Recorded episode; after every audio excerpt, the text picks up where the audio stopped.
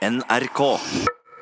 På en arbeidsplass er det ikke sjelden at det danner seg klikker, for en kan jo ikke være like gode venner med alle, så noen utvikler nære vennskap på jobb, mens andre har mer distanserte relasjoner eller kanskje direkte misliker hverandre.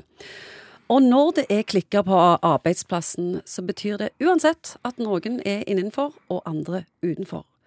Og Egon Hagen, hva gjør det med en arbeidsplass når det er sånne klikker? Ja, Selv om det er jo noen sånne sosiale tyngdekrefter som òg fungerer på arbeid. Og selv om vi kan like tanken om at alle skal være like, og alle skal forstå hverandre like godt, og alle skal være tiltrukket av hverandre på samme måten, så er nok det ganske urealistisk. Vi kommuniserer, forstår og liker folk i varierende grad. Sånn er det på, privaten, og sånn er det litt på arbeid òg, faktisk. Hva du gjør med det, er selvfølgelig noe helt annet. Ja, Hvilke konsekvenser har det på en arbeidsplass hvis det er en stor klikk? Og så er det noen som er utenfor. Ja, en... Hvilke type klikkere kan det være snakk om? Ja, altså det, Den positive varianten av dette at noen er jo sånn at det, det er noen parhester som går fordømt godt sammen. Altså Som får veldig mye gratis, kanskje jobber sammen over mange år, eller de har et temperament eller en måte å, å se og forstå verden på som gjør at de utfølger hverandre. Og Sånne parhester kan noen ganger bli enormt sterke, enormt flinke, og være med som en spydspiss egentlig for å drive et miljø framover. Og sånn må det være. Hvis vi skal tvinge folk dere jobber så godt sammen, nå skal du jobbe med en helt annen, og sånn, det har jeg ikke noe tro på. Men klikker, og på en måte hvis det er en stor klikk, og det er kanskje to uformelle ledere som har hver sine klikker altså I politikken så er jo dette fløyer, kalles det der. Så er det mer ødeleggende, for du får mye energilekkasjer. Du bruker mye tid til intern maktkamp mellom disse klikkerne, istedenfor å gjøre det som dere skal gjøre som et team. Altså, Klikkdannelse er jo negativt, spesielt hvis det er sånn at noen rotter seg sammen mot eh, noen andre. Sånn at hvis det, hvis det, er sånn at det er en stor klikk på arbeidsplasser, så det er en eller to som ikke er med der, så er jo selvfølgelig det veldig ødeleggende. Spesielt for de to som er på utsida. Og de vil selvfølgelig føle seg fremmedgjort og ikke inkludert, og kan nesten oppleve dette som trakassering, vil jeg tro. Så det er på en måte den mest negative varianten av dette, at et store, kompakte majoriteten rotter seg sammen mot eh, kanskje et mindretall.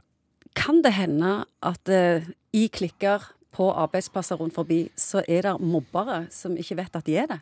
Det kan godt være. Jeg tror det er ganske mange som kan ha en veldig negativ innvirkning på andre. Vi kan kalle det mobbing. Som kanskje ikke er klar over faktisk at det er sånn det virker.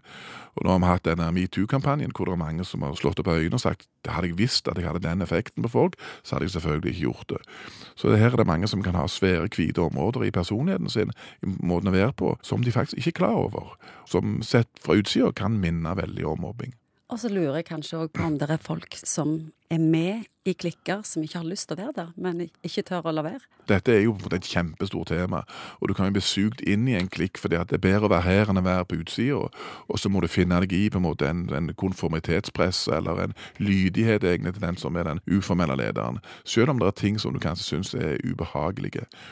Jeg tror kanskje noe at det som kan være noe av effekten av denne metoo og alt dette, er at kanskje noen ganger kan det bli lettere i dag å rekke opp hånden og si at nei, dette syns ikke jeg er greit. Vær den stemmen, vær den festbremsen som sier at nå driver vi og duller med vår egen enighet, og dette går på bekostning av andre, og jeg syns faktisk ikke dette er greit.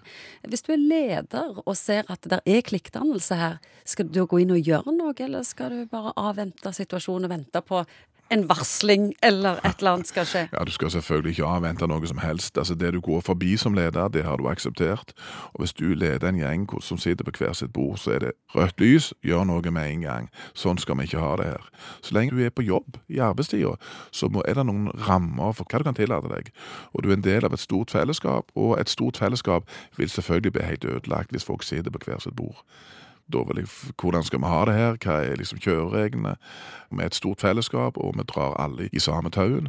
Og vi kan ikke bruke masse tid på energilekkasjer på at vi har to grupperinger. Så det dummeste en leder kan gjøre i forhold til dette, det er å se gjennom fingrene med det. Dette må du ta opp, hvis ikke så gjør du ikke jobben din.